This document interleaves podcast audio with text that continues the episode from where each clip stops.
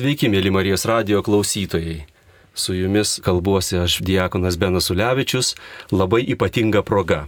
Su manim kartu čia studijoje yra mano kolega, bičiulis ir bendradarbis Katalikų teologijos fakulteto dėstytojas profesorius Artūras Lukaševičius. Sveikas, Artūrai. Sveiki, gyvi. Na ir reikia pasakyti, kad tiesiog virpu iš džiaugsmo galėdamas dabar pasisveikinti šioje laidoje, nes mes su Artūru nusprendėm įgyvendinti savo labai seną svajonę padaryti laidų ciklą apie Klaivo Staplso Liuiso, žymaus krikščionių rašytojo, knygų seriją Narnijos kronikos. Valio, tai pagaliau mėginsime šią svajonę įgyvendinti, nes tikrai e, laikas, e, tikrai tai būtina ir svarbu padaryti, jau vien lietuvių kalboje turime trečią leidimą. E, vienas buvo 90-ųjų eroje, paskui kitas vėliau ir dabar visai neseniai Alma Litera prieš kelis metus išleido dar vieną laidą šių knygų ir paprastai tų knygų neilgam užtenka. Ne veltui, nes tai tikrai klasikų klasika. Sunku rasti kitą knygų seriją, kuri būtų labiau klasikinė. Mes dabar aišku žinome kitus kūrinius skirtus jauniems paaugliams, vaikams ir suaugusiam, na pavyzdžiui, Harry Potterį ir panašiai, fantastikos pasaulį, bet jei truputėlį pasidomim, visi tie autoriai augo skaitydami Narnijos kronikas, jie buvo įtakoti Narnijos kronikų, mylėjo šią knygų seriją ir Narnijos kronikų įtaka visam tokiam fantasy žanrui ir taip pat visam krikščioniškam pasauliui begalinė ir nežinot Narnijos kronikų tiesiog yra gėda ir didelė gyvenimo nelaimė. Taigi toks pirmas e, e, mano kreipinys, klausykite šias laidas taip pat. Ir todėl dar, kad Narnijos kronikos yra geniali knygų serija, tinkanti ir vaikams, ir suaugusiems.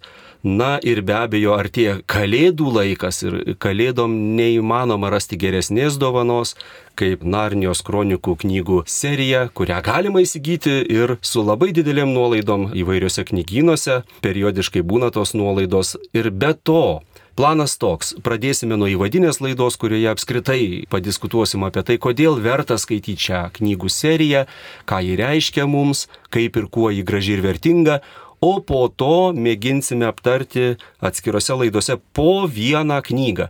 Taigi jūs, mėly klausytojai, galite skaityti Narnijos kronikų seriją su mumis.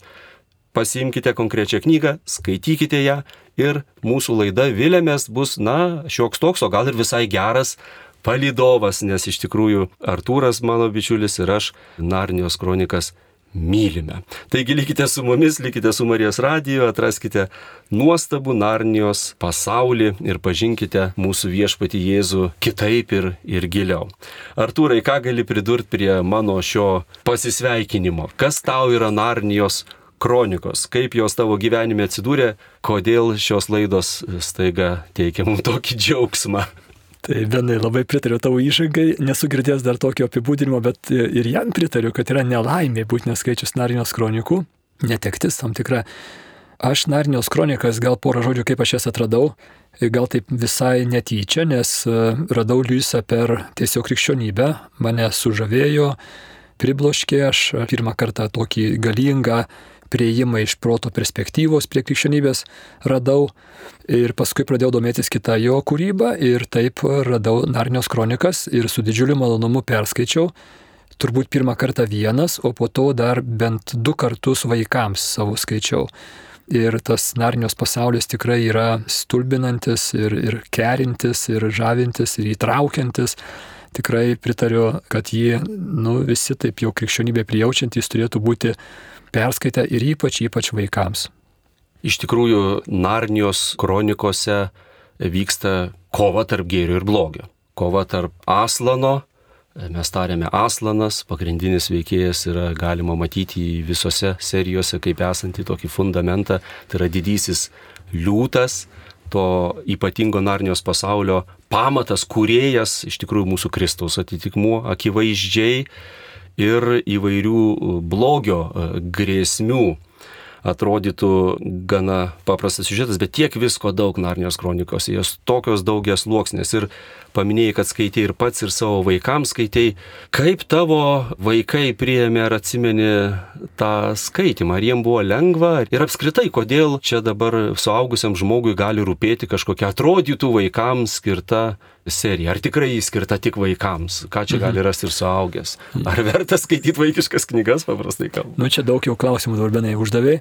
Aš tik pasakysiu, Aš savo vaikams e, tris vaikus turiu ir, ir dviem daug skaičiau. Trečiasis jaunėlis mūsų skaito pats ir jisai nenori, kad jam skaitytume kažkaip taip, va, tie vaikai skirtingi labai savo charakteriais. Tai pirmiems dviems skaičiau daug ir, ir pasakas, klasikinės pasakas, liaudės pasakas skaitydavau, Narnijos kronikas, Tolkino žiedų valdovą. Tai aš nepasakyčiau, kad kažkaip tai atpažinčiau, kad jie ten ar sunkiai, ar lengvai jie kažkaip išklausydavo ir užmigdavo vakare prieš miegą. Daug tokių replikų neatsimenu, bet vėliau jau paaugę vaikai mes ir filmus paskui žiūrėjom tuos, tai jie mačiau, kad jiems patinka, tinka, pataiko, jiems vaizduotę teisingai užkuria, nukreipia. Tai džiaugiuosi, kad mano vaikai buvo supažintinti, o dabar kaip tik jaunėlis dešimtmetis sunus skaito sidabrinį krėslą, mačiau dabar. Jeigu grįžtant prie tavo klausimo, ar tinka suaugusiems vaikiškos knygos, tai vėlgi nelygų vaikiškos vaikiškoms.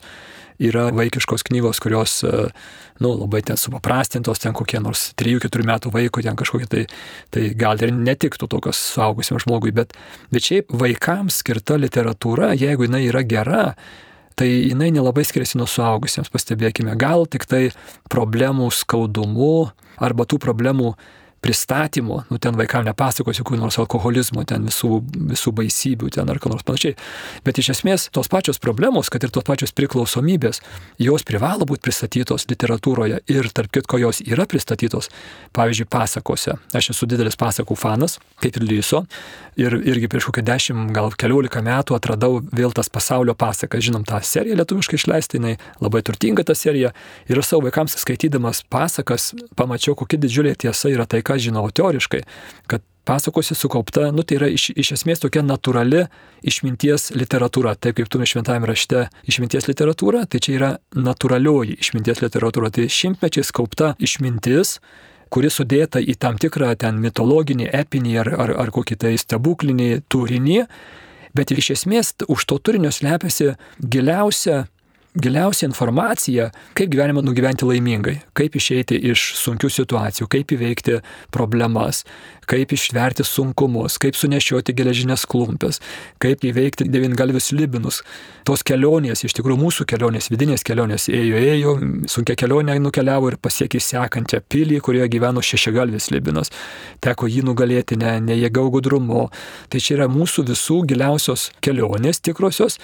Ir, pavyzdžiui, irgi skaitėsi su tokį dalyką, kodėl vaikai taip mėgsta, kad jiems pasakos būtų kartuojamos tos pačios. Visi savo vaikystę prisiminkime, jeigu mums pasakas kažkas sekė, buvo galima kastys dienos tą pačią pasaką, aš esu savo vaikystę, reiškia, kastys dienos tą pačią pasaką išklausyti gali.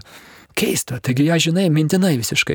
Ne, ją reikia iš naujo išgirsti, nes mano kažkur tai, nežinau, smegenų tenais žėvėsi kažkokiuose tai formuojasi tam tikri linkiai, kaupėsi informacija, kurios man prireiks po 30 metų, kai susidursiu realybės to pačia problema. Aiškiai, čia sudaromos tam tikros schemos mumise, kaip gyvenime reikės pasielgti situacijose, kurios kažkokios tai bus sudėtingos.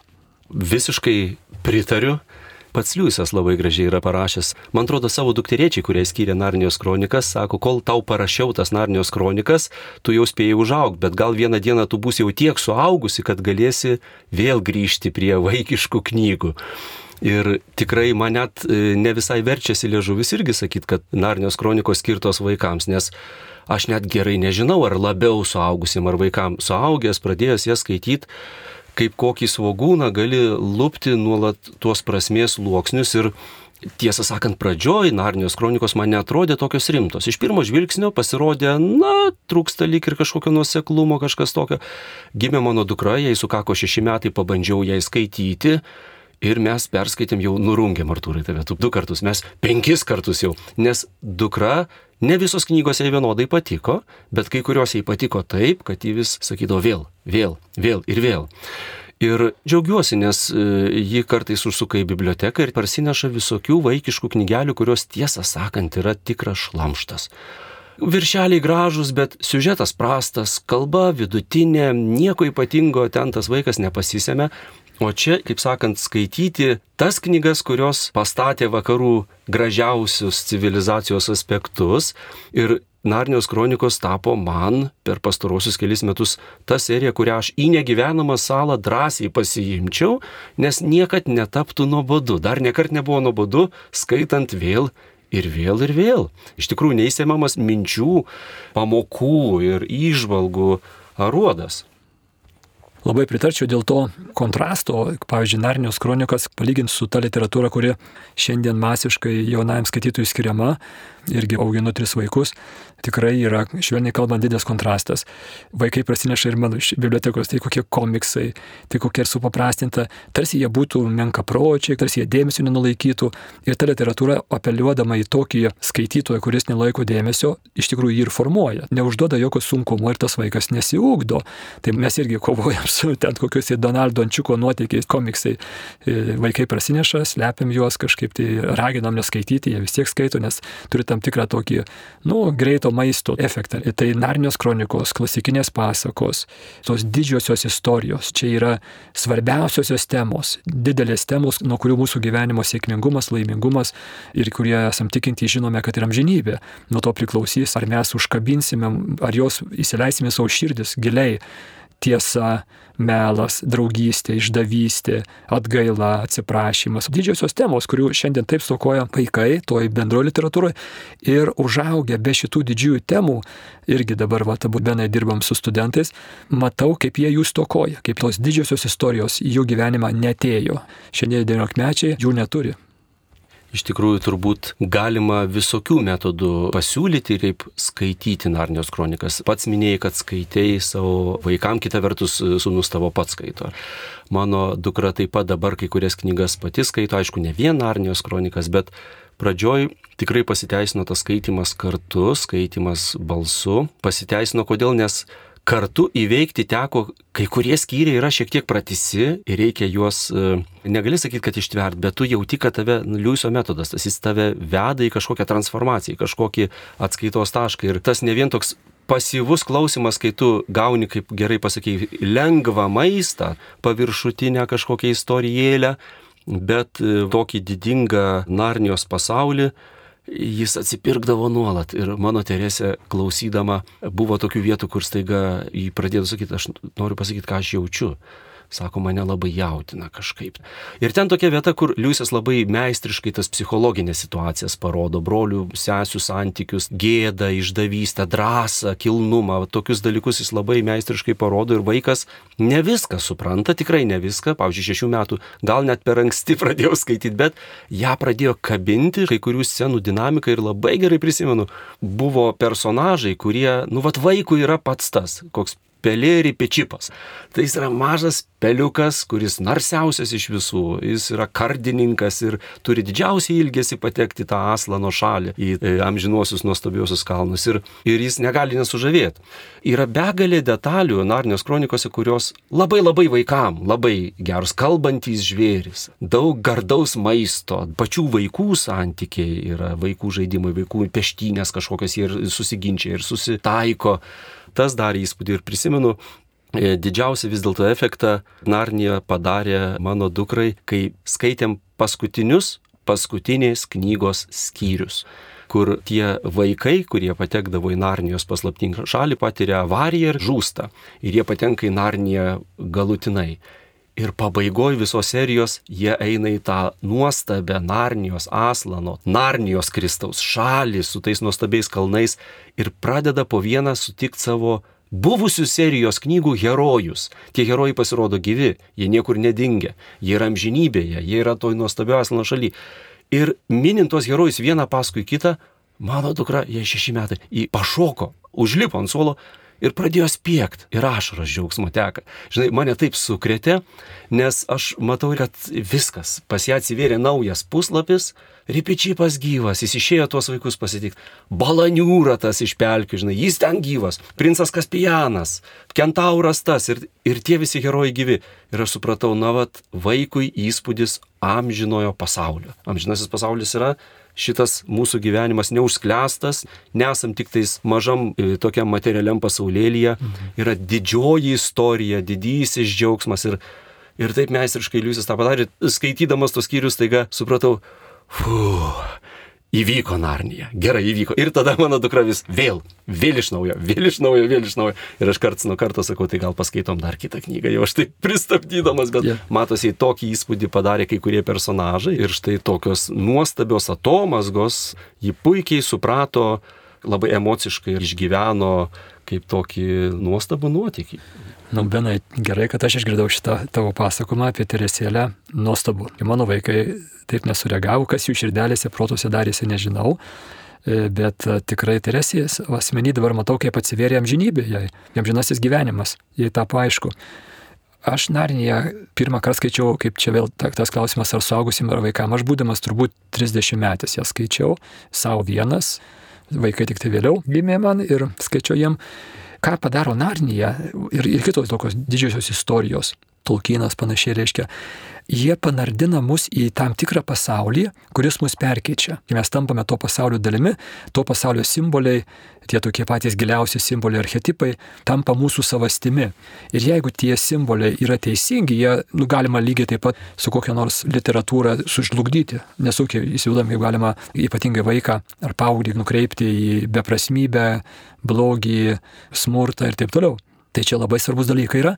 Ir ką padaro Lysas su savo Narnijos kronika, ypatingai vaikams, labai kviečiu tėvus skaityti garsiai savo vaikams, peržengti save, jeigu niekada nesaskaitę, skaitykite, skaityti mokate, tiesiog padarykite tai kasdienę, kas vakaro galbūt rutiną, paskaityti po 10 minučių teksto, tai užmėgs neįsivaizduojamai svarbu ryšį tarp jūsų ir vaiko visam gyvenimui, tai bus svarbu, tai vaiko širdį, prote, gyvenime suformuos labai svarbius dalykus, tėtis ir mama jam bus davę ypatingai svarbų indėlį, tai čia neįsivaizduojamai svarbus dalykai, daugumai iš jūsų žinote, nėra ką net kalbėti.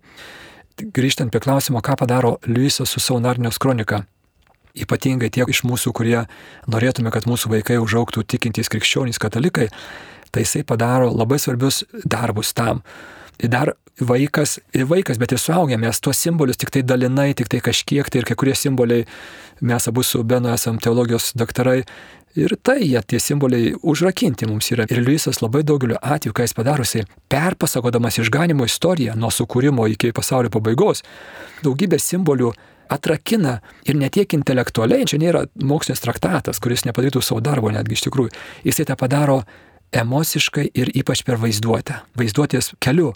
Kadangi šiandien gyvename pasaulyje, kuris labiausiai mūsų žaloja vaizduotės keliu, per vaizduotę mes esame paimami, tai čia tas rytis, kurie reikia papildomos pagalbos.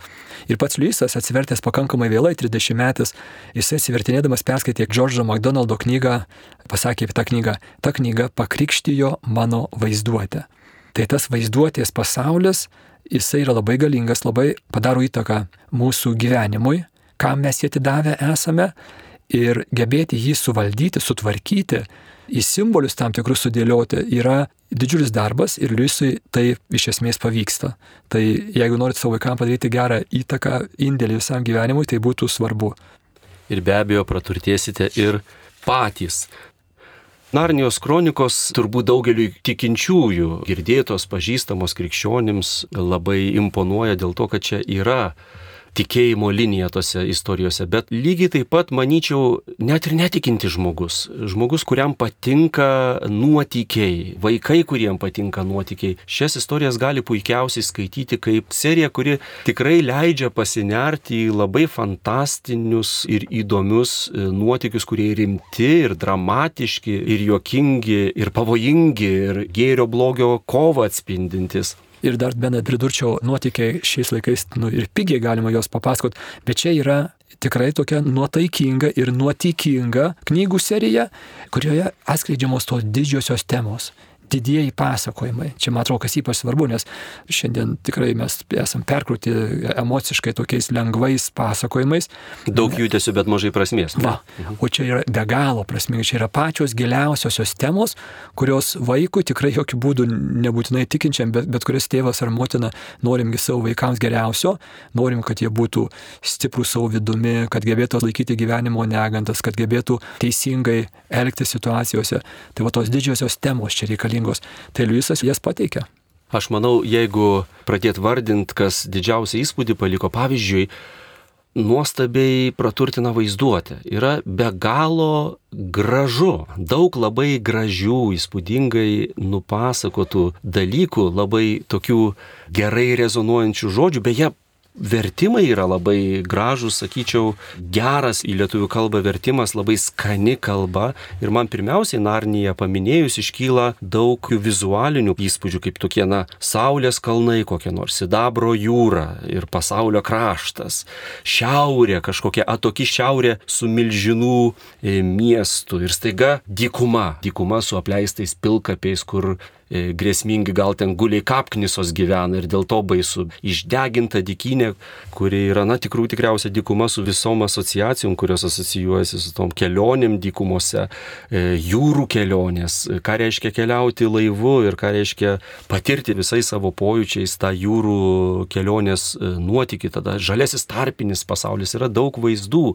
kurie tikrai labai įspūdingi, labai puikiai aprašyti Čarnas, tas apleistasis miestas, virš kurio kurio pakibusi jau bebaigianti užgesti raudona iki kraujo saulė. Negali pamiršti tokio vaizdo, tų griuvėsių, tos figūros sustingusios sostose.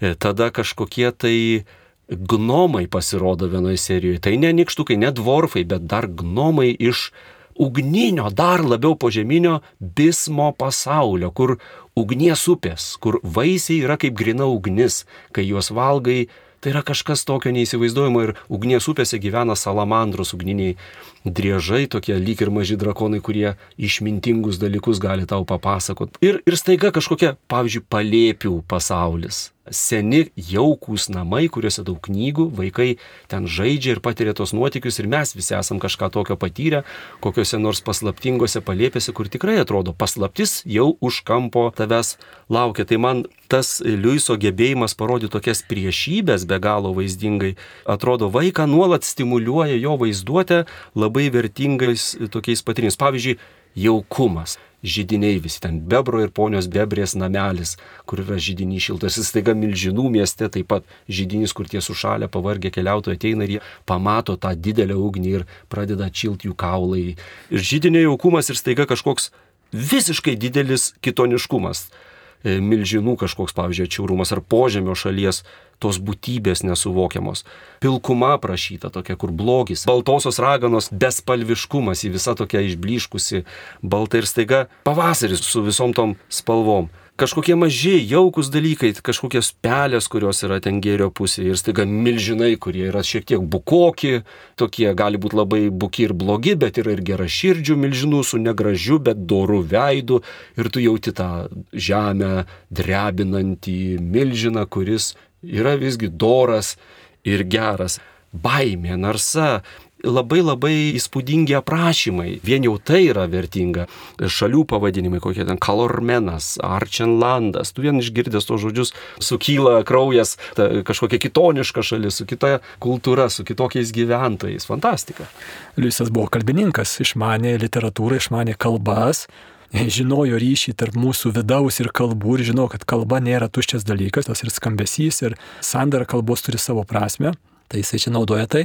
Aš dar vienai pridurčiau, kas mane šalia tų visų tokių gamtos ir fantastinių vaizdų, kas mane nustebina, labai gilus ir paprastai žodžiais atskleidžiamas vidinis pasaulis, konfliktas, tokie dalykai kaip e, narsa, išdavystė, bailumas, nepasitikėjimas, e, tie tokie pagrindiniai dalykai atsiskleidžiantys charakterių santykiuose, vaikų santykiuose ypatingai vertingi yra bet kuriam skaitytojui, bet kurių pažiūrų ir, ir Liuso Narnios kronikos yra pasaulyje daugia milijoninis bestselleris. Tikrai taip, tie psichologiniai paveikslai, pavyzdžiui, baimė, atliekant kažką be galo kilnaus, bet suprantant, kad ko gero tai pareikalaus aukos. Kaip tie vaikai jaučiasi, kaip meistriškai prašyta ta baimė ir kaip pavyksta staiga įgyti jėgų arba drąsos ir ką drąsa reiškia. Ką tu gauni neišdavęs, bet išdrysęs stoti gėrio pusėn, ar ne, ir, ir, ir kokia nors ten išdavystė, e, arba kai pasiduodi baimiai, kokias atneša pasiekmes. Brolių sesių bendravimo dinamika, iki skausmo pažįstama tie pasipešiojimai tarp vaikų, vyresnis brolis, jaunesnis brolis, nuoskaudos kažkokios ir vis dėlto ką reiškia susitaikyti, ar ne, ir kaip nelaimė suartint e, gali tuos vaikus, kurie neįvertino vienas kito e, bendrystės prieš tai.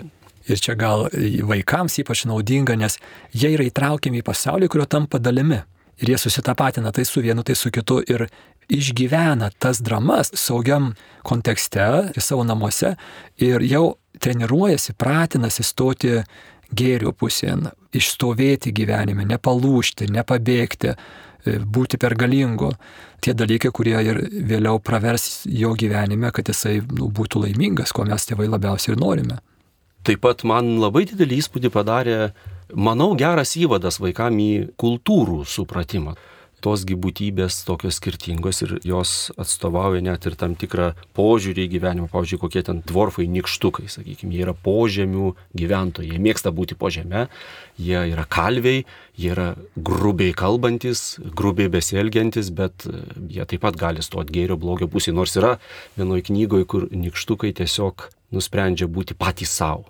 Ir štai ir tokia pozicija. Mes nei už gėrį, nei už blogį, cinizmo pozicija, nusivylimų pozicija. Ir jie patys savo ir kuo tai baigėsi. Tada yra telmarina jūrų gyventojai, kurie bijo miško, jie nemėgsta e, miškų, pavyzdžiui.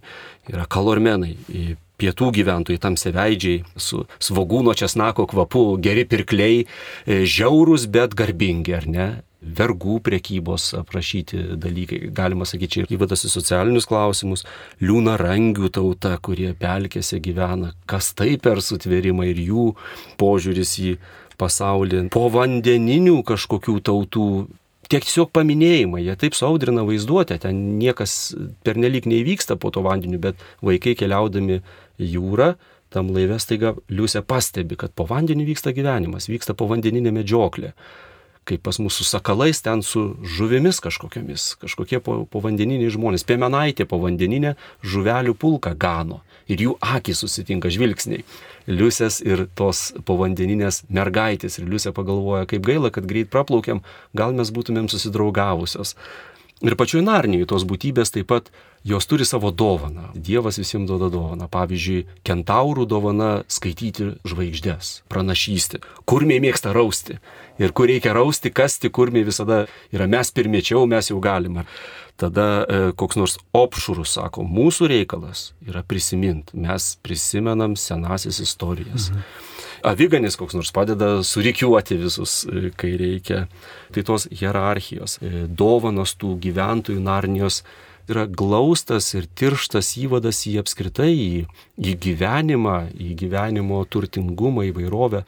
Na, man labai didelį įspūdį padarė jūsų požiūris į gamtą.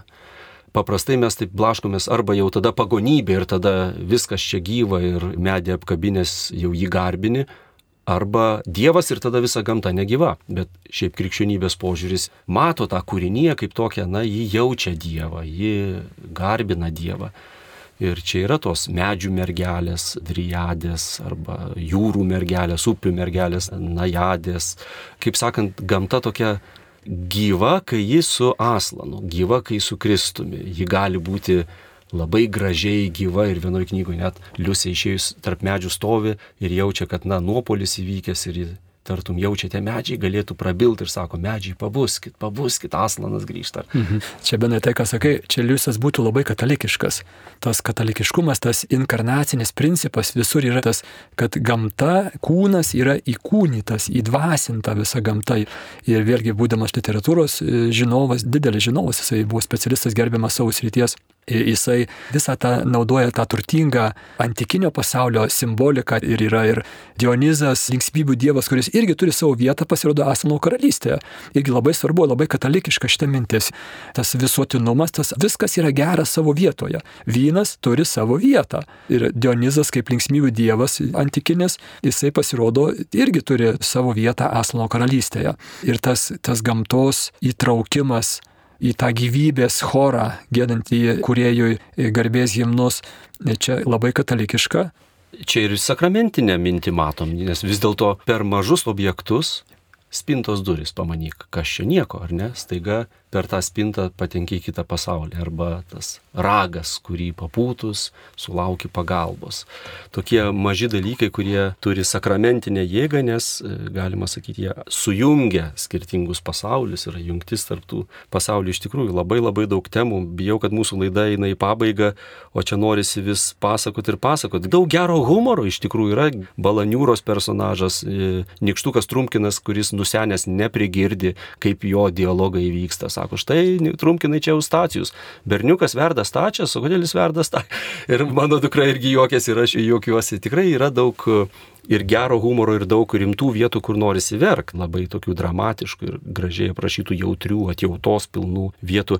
E, gal pabaigai pasakykim keli žodžius apie tikėjimo dimenciją vis dėlto. Tai e, kaip Artūrai čia? Aslanas Kristus, ar ne? Vienareikšmiškai. Ir, ir be abejo, ta serija naudinga, kaip jau sakėme, bet kuriam vaikui, bet kuriai sielai, kad jinai taptų sveika, bet naudinga šitą seriją ypač bus tikintiems tėvams, kurie nori savo tikėjimą perduoti vaikams, kad šiais laikais yra ypatingai sunku. Ir ne tik vaikams, iš tikrųjų, bet kuriam ir suaugusiam žmogui. Man asmeniškai aš jau teologiją buvau gerai pastudijavęs ir aš tiek dalykų atradau ir tas gyvumas atsirado ir tas vaizduotės pasaulis, tai vienareikšmiškai tikinčiajam čia yra nu privaloma serija skaityti ir pačiam, ir ypač vaikams.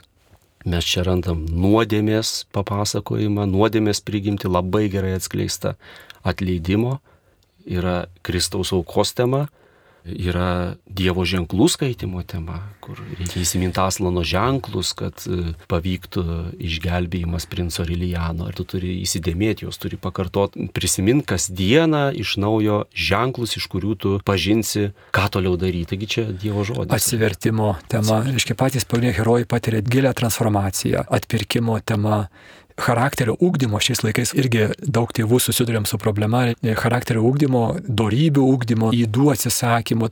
Keliose knygose, kaip Benai sakė, yra ilgi pasakojimai. Tai yra mūsų gyvenimėlio kasdienybė kur mes einam savaitę po savaitės tom pačiom problemėlėm, su tom pačiom įdom, kurios neleidžia mums džiaugtis gyvenimu ir po truputį zulinasi tos.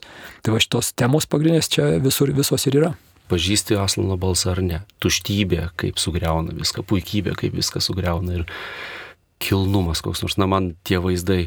Princas Rilianas išvaduojamas ir jo juodas skydas taiga nušvinta ir ten pasirodo raudono liūto atvaizdas, aslanas. Ir jie pamatė visi tie veikėjai iškart priklaupia ir pabučiuoja aslano atvaizdą. Viskas pasakyta, ar ne? Iš tikrųjų. Mėly klausytojai, kągi, šią laidą turime pabaigti. Kaip matote, daug galima kalbėti apie Narnijos kronikų seriją ir todėl mes kviečiame jūs į kitą laidą, kurioje jau dalinsimės įspūdžiais apie, padiskutuosim ar pirmąją ar ne pirmąją serijos knygą Liūtas, Ragana ir Drabužių spinta. Štai intriga ta, kad ant knygos matome numerį 2 bet kažkodėl ją aptarinėsime pirmą, štai gal ir bus jums įdomu išgirsti, kodėl ir kuo ta knyga ypatinga. Ačiū, Artūrai, buvo gera kalbėtis. Iki kito susitikimo, brangus klausytojai, iki kitos laidos. Iki malonaus. Ir likite su Dievu, likite su Marijos radijum, likite su Narnijos kronikomis. Su Dievu. Su Dievu.